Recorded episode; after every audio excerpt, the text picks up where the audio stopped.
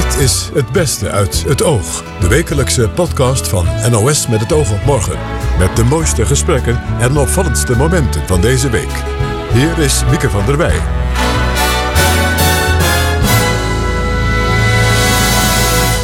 Welkom bij Het Beste uit het Oog. We hebben weer ons best gedaan om de beste, de mooiste, de meest opvallende gesprekken van de week te verzamelen. Zometeen een gesprek met journaalpresentator Amber Brandsen, die jarenlang kampte met anorexia. Ze schreef er een boek over en blikte terug op de zorg die zij kreeg en hoe ze uiteindelijk de ziekte overwon. Je kiest er niet voor, dat, dat, dat is vanzelfsprekend. Maar ik had wel die ingrediënten ehm, die me kwetsbaar maakten om anorexia te krijgen. Het perfectionisme, hoge standaarden voor jezelf, hard zijn voor jezelf. Meer boeken in deze aflevering. De Vlaamse schrijver Chris de Stoop bracht deze week een boek uit over zijn vermoorde oom. En hij kwam uiteindelijk ook in gesprek met de moordenaars. Maar mijn boek is net een oefening in empathie. Uh, kunnen we ons nog verplaatsen in een oude kluizenaar? Kunnen we ons nog inleven in een jonge moordenaar? Maar eerst kardinaal Simonis, die woensdag overleed. Jarenlang het gezicht van katholiek Nederland. Ik sprak met trouwjournalist Stijn Vens over zijn leven. Stijn Vens zag hem als een omstreden en zachtmoedig herder in de kerk. Een man die hard op de zaak was, maar zacht als persoon. Simonis is ook bekend van zijn controversiële uitlatingen bij Pauw en Witteman, waar hij was uitgenodigd om te spreken over de vele misbruikzaken in de kerk. Toch wijden fans mooie woorden aan Weilen ad Simonis. Ja, als bisschop moest hij uh, principieel zijn en moest hij op de rem trappen. Hè, toen hij begin jaren 70 hier in Nederland werd benoemd als bisschop van Rotterdam. En het, in het Vaticaan de indruk heerste dat die Nederlandse katholieken allemaal gek waren geworden. Hè. Niets was meer heilig. Vrouwen op het altaar, getrouwde priesters. Hij moest op de rem trappen. En, als, en dat is ook, was ook zijn rol als bisschop. Maar privé was het een zeer amabele man. Ja. Dus eh, daarom ja, rechtzinnig, maar uiteindelijk goedmoedig. Ja, hij was toen een, eh, een jonge kapelaan zonder veel bestuurlijke ervaring. En hij werd opeens in 1970 tot bisschop van Rotterdam benoemd. Was dat alleen maar omdat de paus dacht... hij gaat ervoor zorgen dat hè, die kleine conservatieve minderheid toch nog gaat zegenvieren daar in Nederland? Nou, dat was wel zijn uh, bedoeling. Zijn bedoeling. Kijk, uh, vlak voor die benoeming had je uh, in Noordwijkerhout het Pastoraal Concilie. Ja. je had die grote vergadering gehad in Rome, het Tweede Vaticaans Concilie. De kerk moest worden, bij de tijd worden gebracht. En de Nederlandse katholieken gingen met elkaar bepalen eigenlijk hoe die conciliebesluiten in Nederland moesten worden uitgelegd. Maar die, die Nederlandse katholieken wilden veel verder gaan als de concilievaders. Maar er waren maar een paar dissidenten. En een van die dissidenten was Ad Simonus, jonge kapelaan met ja. priesterboord, die het daarvoor de traditie opnam en voor Rome. En toen dacht ze in Rome, nou ja, als er een nieuwe bisschop nodig is, dan moeten we misschien Ad Simonus maar vragen, want die kan wat tegenwicht bieden. Ja, daarom heeft Rome voor hem gekozen. Ja, niet omdat het een ervaren bestuurder was, want dat was hij niet. Dat, dat was hij dus ook niet. En ze dachten ook van nou, als hij daar zit, dan is de weg vrij, tenminste dat las ik, voor een bezoek aan de paus. Een soort charme-offensief. Ja, Waarmee hij dacht die recalcitrante Nederlanders definitief op de knieën te krijgen. Ja, daar hebben ze zich dus helemaal in, in vergist. Want toen is eigenlijk ook de, was de uittocht al bezig. En uiteindelijk waren er op een gegeven moment weinig katholieken meer over om de les te lezen. Ja. En de Simonus uh, is ook in die, in, dat, in die taak als bisschop enorm beproefd. Je zou eigenlijk kunnen zeggen boven zijn krachten.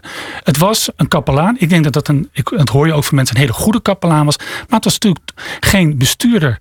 Uh, en als je iets van je overtuiging wil overbrengen op een ander of dingen wil doordrukken, dan moet je ook enig uh, kwali enige kwaliteit als manager hebben. En dat had hij minder. Ik vind het eigenlijk best wel tragisch klinken als je het zo verwoordt. Nou, dat was het ook. Het was ook iemand die uh, doodmoe werd van vergaderen. En hij moest heel veel vergaderen. Ik weet nog eens dat ik hem bezocht toen hij net afscheid had genomen als aartsbisschop van Utrecht. En toen zei hij, meneer Vens, weet u wat zo fijn is? Ik hoef niet meer te vergaderen. Ja. Het lag hem niet, maar hij vond dat hij tegen de paus geen nee kon zeggen. En hij vond dus ook dat de overtuiging die hij van ouds van huis uit had meegekregen. Hè? Hij was orthodox tot in elke vezel. Dat hij daarvoor moest opkomen. Ja, je hebt hem dus uh, persoonlijk gekend, begrijp ik. Ja, heel lang zelfs. Mijn eerste interview ooit als jonge verslaggever bij de KRO was met kardinaal Simonus. En wat weet je daar nog van? Helemaal niets. Dat ik, ja, ik weet, ik weet dat ik heel erg blij was dat, dat mijn vragen op waren. Toen ben ik snel weggerend, geloof ik. Ja? Ehm, hij ging in 2008 met emeritaat. Maar hij mengde zich toch nog steeds in het debat. Hè?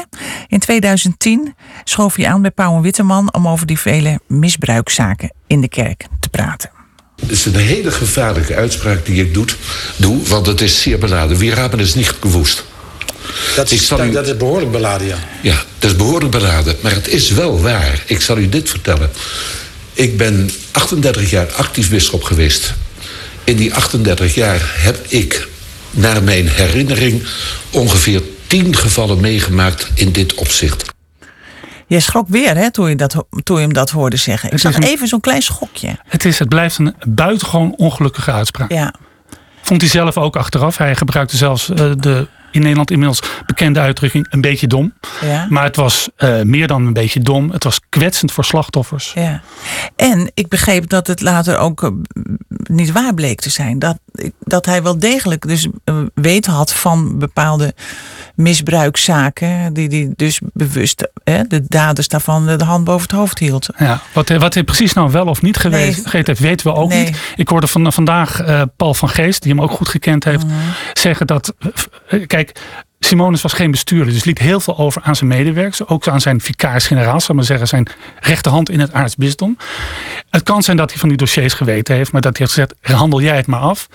Los daarvan had hij die uitspraak natuurlijk nooit moeten doen. Nee. En ik weet ook dat hij later slachtoffers heeft ontmoet en daar zeer door geraakt was. Ja. ja, heb je de neiging om hem een beetje te verdedigen? Nee, dat heb ik, dat heb ik niet. Maar nee. uh, uh, dat is alles, bij alles wat hij gedaan heeft. Hij heeft onhandige uitspraken gedaan. Hij heeft ook gezegd dat hij kamerverhuurders begreep. die geen kamer aan een homoseksueel wilden verhuren. Dat is natuurlijk verschrikkelijk. Um, bij alles wat hij. Hij deed, hij deed onhandige uitspraken. Maar nou, hij was hard op de zaak. Maar hij was zacht op de persoon. Ja, maar goed, hij was daar gewoon waarschijnlijk echt van overtuigd dat homoseksuelen niet uh, een kamer ja. verdienen. Ja. Bedoel, dat, dat, dat kwam gewoon voor uit zijn strakke opvatting van de leer. Ja, dat was, daar was hij van overtuigd. En tegelijkertijd, en dat is toch het, het bijzondere aan deze man... toen hij in 1983 aartsbisschop van Utrecht werd... toen stonden er... Uh, de demonstranten bij de kathedraal met een spandoek Go Rome. Dus niet Go Home, maar Go ja, Rome. Ja. Nou, ik kan me ergere verwensingen uh, indenken. Maar uh, toen hij 25 jaar later wegging, was er enige weemoed. En hij, hij was niet van mening veranderd nee. en die mensen ook niet. En die mensen, vinden nog, die mensen vonden nog steeds dat die uitspraken niet kunnen en dat die kwetsend zijn. Ja. Maar ze hebben hem als persoon hebben leren kennen en dat scheelt dan. Ja. ja, jij zegt ze hebben hem als persoon leren kennen en, en hij was als persoon aimabel. Waar uitte zich dat dan in? Nou ja, bijvoorbeeld, je zag hem altijd in Utrecht fietsen. En wat, waar Nederlanders ook van houden, het was een hele eenvoudige man. Dus hij deed zelf boodschappen. Zo kocht hij bij een uh, drogisterij bij hem om de hoek, als het even kon, zo'n zo'n box met klassieke cd's, geloof 30 voor 15 euro. Mhm. En dan fiets hij ermee terug naar het bisschoppelijk paleis. Daar houden Nederlanders van. En Ja. ook als je hem. eh, ik heb ook van iemand gehoord die eigenlijk bijna alles verafschuwde wat Simone zei. Maar die zei ja, uiteindelijk als ik ooit op sterf lig, mag hij aan mijn sterfbed komen. Ja. En dat, dat, heeft, dat heeft te maken met het feit dat het ondanks alles, ondanks soms onhandige en kwetsende uitspraken, een aimabele man was. Ja, ik kwam nog een eh, leuke zin tegen uit zijn eh, biografie. Hè. Er is ook een biografie over hem geschreven.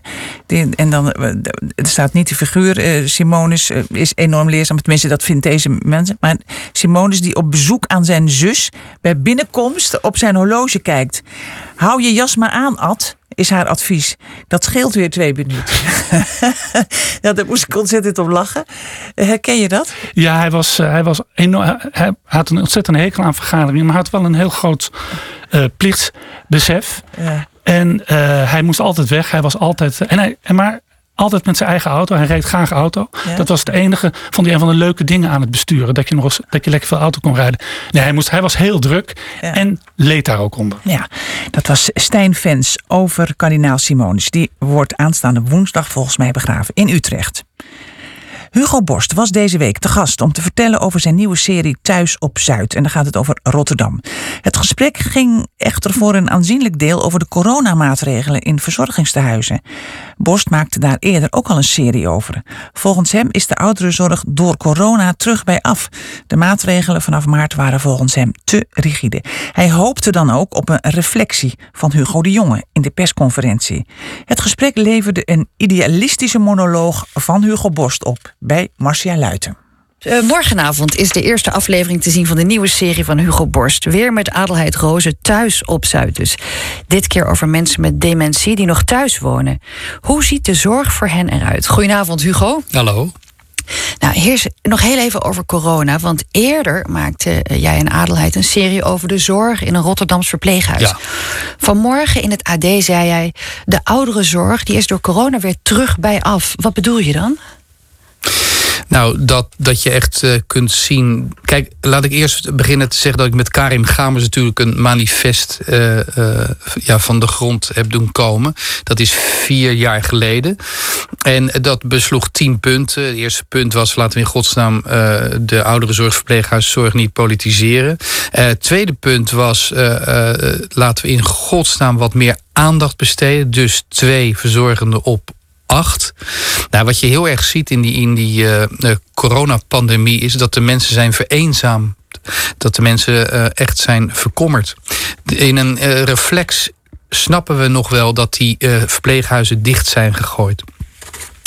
Dat was schrikken geblazen begin maart. maar eigenlijk had toen na een week of twee, uiterlijk drie, had toen toch wel wat gezond mogen zegenvieren. En had er een uh, niet zo rigide beleid moeten zijn met het uh, volstrekt uh, afsluiten van, van de verpleeghuizen. Want wat er vervolgens is gebeurd, ja. Niemand kon er meer in of uit. De mensen die er werkten hadden geen beschermende middelen. Echt schandalig. Ja. Alle, alle spullen gingen natuurlijk naar IC's en, en ziekenhuizen. Want tekorten. En als je zegt de zorg is terug bij af. Wat bedoel je dan met dat af? Nou ja, waar wij ons grote zorgen om maken, Karin Gamers en ik, is dat mensen niet gezien worden. Dat ze vereenzamen. En uh, wat, je, wat je dus nu hebt gezien, is dat er nog steeds de voorkeur wordt gegeven aan uh, zorg die nodig is. Hè, wondverzorging of uh, de mensen moeten eten. Maar wat het allerbelangrijkste is, als je bijvoorbeeld dement in een verpleeghuis zit, is dat je je tijd een beetje goed doorkomt. Ja. En uh, het was al zo, en daarom hebben wij het manifest uh, van start laten gaan, dat heel veel geestelijke verzorging was wegbezuinigd, activiteitenbegeleiders. Nou ja, daar is dan de focus op gekomen. En die coronatijd heeft eigenlijk uh, duidelijk gemaakt dat mensen weer helemaal alleen waren met zichzelf. Er zijn mensen van, eenzaamheid uh, gestorven. Ik ik ken daar heel veel verhalen over. En het heeft een enorme uh, stress opgeleverd, ook bij mantelzorgers. Die mochten er niet meer in. Als jij partner bent van iemand die uh, dement is of die ziek is... en je mag er niet meer in vanwege het gevaar van de besmetting... dan kun je dus wat je al jaren hebt gedaan... dagelijks uh, je, je vrouw bezoeken. Dat kan dan niet meer. Dat is niet voor te stellen. Dat is een, dat is een, een, een traumatische ja, ervaring. Enorm leed. En uh, in dat opzicht uh, hoop ik uh, dat het een beetje er anders aan toe zal gaan. Maar, maar wat nu gaan we even over thuis op Zuid. Want, uh... Nou, ik wil nog even zeggen, vandaag was het de minister-president, Hugo de Jonge natuurlijk aan het woord. Ik vond het toch jammer dat hij niet eventjes reflecteerde op wat er uh, begin maart is gebeurd. He, want nu is gezegd van ja, als er besmettingen zijn, dan komen we met mondkapjes en dan komen we met beschermende maatregelen. Ja, toen was dat dus niet zo. Ja. En ik vind dat ze eigenlijk wel eens kunnen uh, verklaren van dat is niet goed geweest. Dat betreuren we. Een kleine spuitbetuiging had wel uh, gezien. Komt misschien nog. Maar nu thuis op Zuid, want dat is jullie nieuwe programma. Dat heb je samen met de Adelheid Rozen gemaakt. Jullie hebben een paar mensen gevolgd die lijden aan dementie en die nog thuis wonen. Wat wilde je daarmee laten zien? Nou, we zijn eerst in het verpleeghuis geweest. Dat was twee jaar geleden. Dat, uh, in de Leeuwenhoek. Uh, wij dachten, uh, dit is belangrijk. Dit moet gezien worden. En wat, zit, wat is het stadium voor het verpleeghuis? Dat ja. is ja, als de mensen nog thuis wonen. En wij waren ontzettend nieuwsgierig, Adelheid en ik. En met ons de, een, een hele mooie klein team met regisseur Maaike de Gruiter. Hoe is het nou gesteld achter die voordeuren? Nou, we hebben gekozen voor Rotterdam Zuid, Afrikaanderwijk. En daar is na de nodige research is, hebben wij, hebben wij in kaart gebracht natuurlijk, je, je kiest steeksgewijs wat mensen hebben in kaart gebracht van hoe het er nou aan toe gaat in, in een gemiddelde buurt in Nederland. Nou ja, dan zie je uh, bijvoorbeeld dat uh, heel veel mensen hun stinkende best doen om op te merken wie er allemaal zijn. Want in diezelfde wijk, Afrikaanse wijk, is het ook zo dat de geweldige half Hamid jaar, heb je in jouw serie. Hamid, ja, maar er heeft iemand een half jaar thuis dood gelegen. Die was ah. niet opgemerkt. Zei Hugo Borst. Die serie loopt op dit moment op de Nederlandse televisie. De Vlaamse schrijver Christen Stoop schreef een boek over zijn overleden oom Daniel. Die gevonden werd in de smeulende puinhoop die ooit zijn huis was vermoord. De Stoop kende zijn oom niet echt, maar is die moordzaak altijd blijven volgen en is er uiteindelijk over gaan schrijven. Hij was de enige van de familie die zich geroepen voelde om voor zijn oom in te staan. En daardoor kwam hij oog en oog te staan met de moordenaars, vertelde hij aan mij. Die oom, en die leefde als een, als een kluisnaar. Hè? Die leefde eigenlijk nog een heel, ja, een, een heel klassiek boerenleven, helemaal in zijn eentje. Ja, het was een man van 84, uh, eh, vroeger een hele hartelijke man, heel sociaal.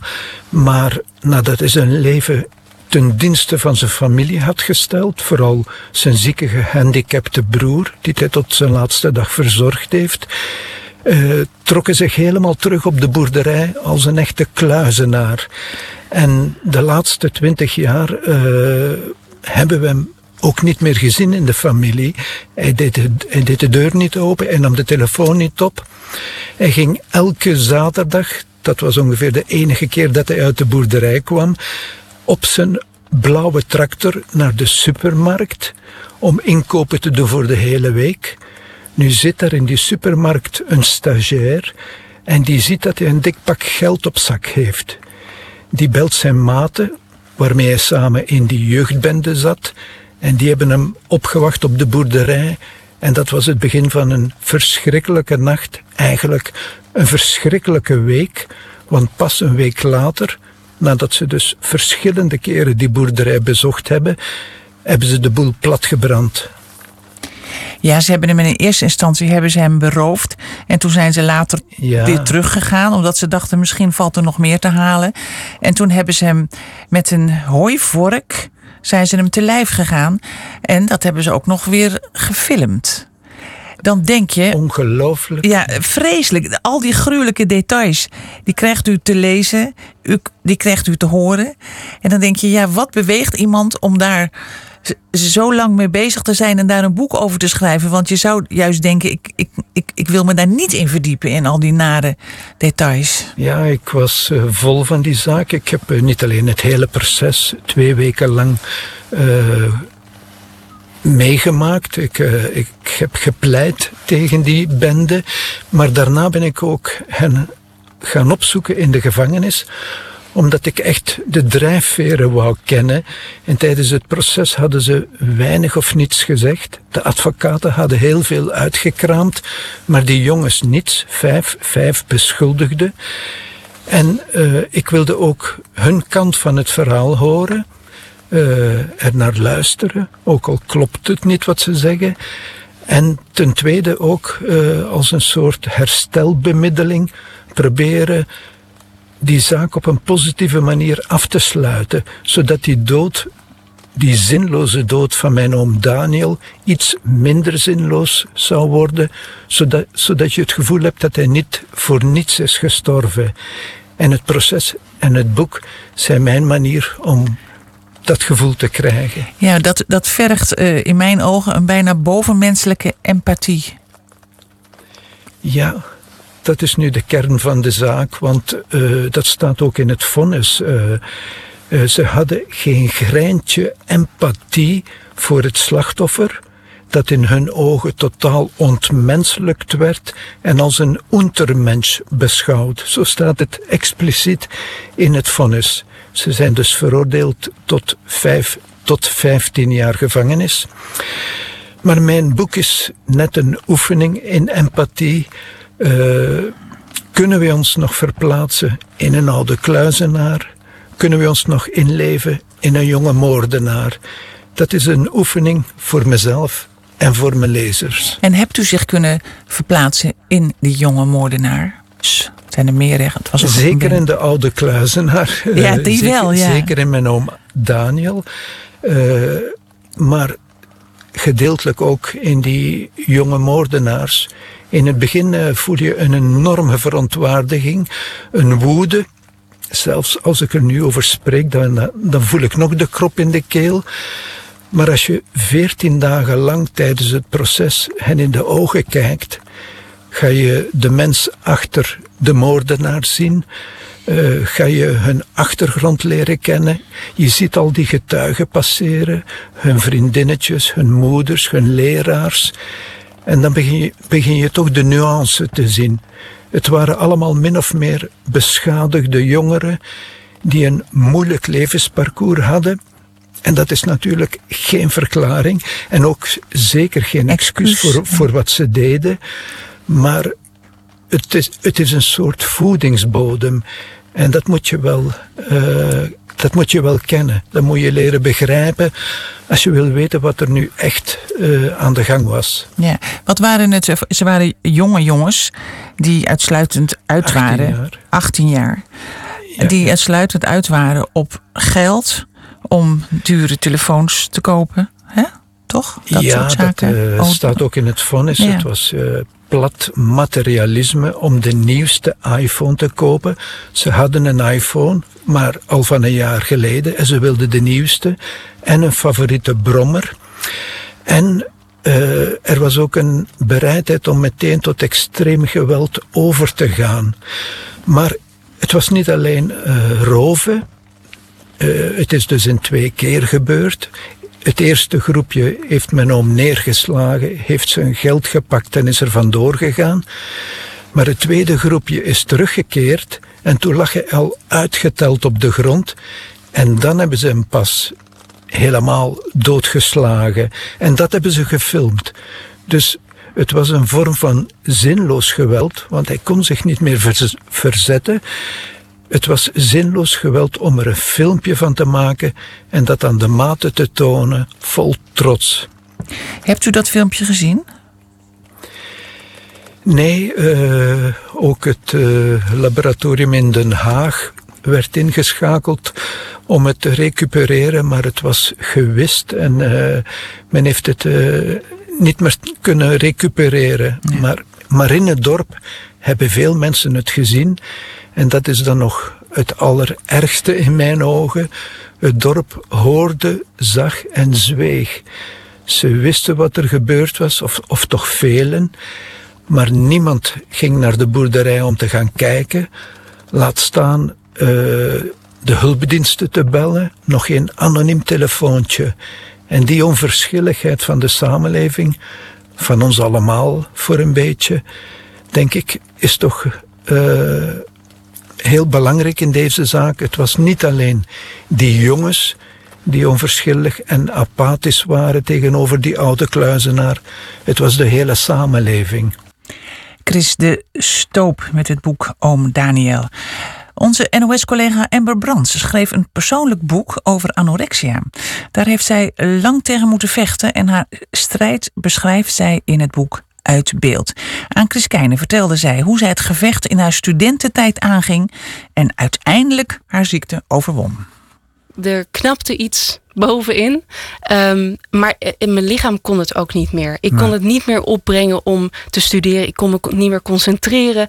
Ik kon mezelf niet meer uit bed slepen. Nee. Het kon gewoon niet meer. Je gaat terug naar, naar je moeder. Uh, en uiteindelijk blijft het daar slecht met je gaan, dan laat je je behandelen en je komt in een anorexia-kliniek terecht. Daar valt ontzettend veel over te zeggen. Je beschrijft heel erg goed wat daar gebeurt. Er zijn allemaal regels. Je moet met je medepatiënten, medecliënten, allemaal vrouwen. Ik heb niet één man kunnen ontdekken. allemaal meiden, ja. Ja, allemaal meiden die ook een eetstoornis hebben. Moet je voortdurend evalueren. Jullie moeten samen volgens allerlei regels eten. Ja. Um, ja, een, een, een, beproefde behandeling, denk, denk ik, als ik dat lees. Want die mensen zijn, ook niet, zijn ook niet gek. Ja, maar jij, maar jij werd er wel gek. Ik werd er langzaam gek, ja. Um, en dat kwam door twee uh, dingen, denk ik. Ik zat daar met uh, twintig meiden ongeveer. En um, als je een eetstoornis hebt, uh, kun je daar heel erg in vereenzamen. Omdat um, het heel lastig is voor iemand zonder eetstoornis om te begrijpen wat je doormaakt. Want eten is toch gezellig hm. en lekker en hm. leuk. Um, dus meiden konden daar herkenning bij elkaar vinden. Hm. Ik, en misschien ben ik daarin gek, uh, vond alleen maar slechte voorbeelden. Ik mhm. dacht, hé, hey, dat is een eetgestoorde truc. Dat vindt mijn eetstoornis wel interessant. Dat ga ik overnemen. Dat, dat moet van mijn eetstoornis. Dan ben ik een, een goede eetgestoorde. Dus ik zag mezelf daarin verder afglijden. Mhm. En wat ook niet hielp, was dat ik steeds meer het gevoel kreeg dat um, de behandelaren keken naar mijn ziekte en niet naar mij. Mhm. Ik kan me nog zo herinneren dat uh, de psycholoog, uh, ik kreeg een nieuwe psycholoog en die zei: uh, Nou, Ember, verse start, we zijn nieuw voor elkaar. Wat gaat jou helpen? En toen zei ik: Nou, ik ben hier vijf dagen in de week. Ik ging in het weekend naar huis. Hm. Ik krijg één uur per week um, een sessie met u. Hm mogen dat er twee zijn. Want ik denk dat dat mij gaat helpen. De rest was allemaal een soort groepsproces. Waarmee je eigenlijk zei, kijk naar mij alsjeblieft. Luister naar mij. Ja. Aandacht nodig eigenlijk. Ja. En zij zei, nou goed idee, gaan we doen. De week daarop kwam ik weer bij haar en ze zei, ja, sorry, ik ben nieuw. Ik heb het uh, met mijn uh, collega's overlegd en het is niet beleid om twee gesprekken aan te bieden. Hm. Um, het blijft bij één. Ja. En wat ook verder nog een keer naar voren kwam. Uh, ik, was heel erg, ik was heel erg ziek. Ik was heel erg teruggetrokken in die depressie en de anorexia. En ik herinner me nog zo goed dat een van de behandelaren zei: Nou, Amber, wij weten wat jij nodig hebt. Jij moet een training sociale vaardigheden krijgen. Ja. En dan kom je hier tot bloei. En iedereen die mij kent, weet dat ik heel sociaal ben en heel erg extravert en, en gezellig, van gezelligheid hou. Maar toen dacht ik, jij ziet mij echt niet. Hmm. En ik vind, het, ik vind het niet gek voor iemand uh, in mijn omgeving of iemand die mij niet verder kent. Maar jullie zijn de experts. Jullie moeten hier doorheen prikken. En jullie moeten zien wie ik ben en wat ik nodig heb. Ja, het gaat jou er niet om te zeggen, dat is voor niemand goed, zo'n behandeling. Nee, het gaat nee, jou erom te zeggen, het is, voor mij niet goed geweest. Het is geen aanklacht tegen de kliniek. Nee, dat begrijp ik. Uit het boek begreep ik dat heel goed. Jij neemt wel de dappere beslissing om daar weg te gaan. Leek me ontzettend moeilijk als je zelf echt niet meer weet wat voor of achter is of onder en boven. Toch doe je dat. Dan, dan kom je in contact met een, uh, een andere psycholoog, een, uh, een, een, een, Ja. Um, en die ziet jou opeens. Wat deed hij nou precies anders dan ze daar in die kliniek deden? Hij vroeg aan mij, Amber, waarom wil jij beter worden? Waar in de kliniek het vanzelfsprekend was dat je beter wilde worden. Uh, en beter worden betekende dan op een gezond gewicht en dan door met je leven.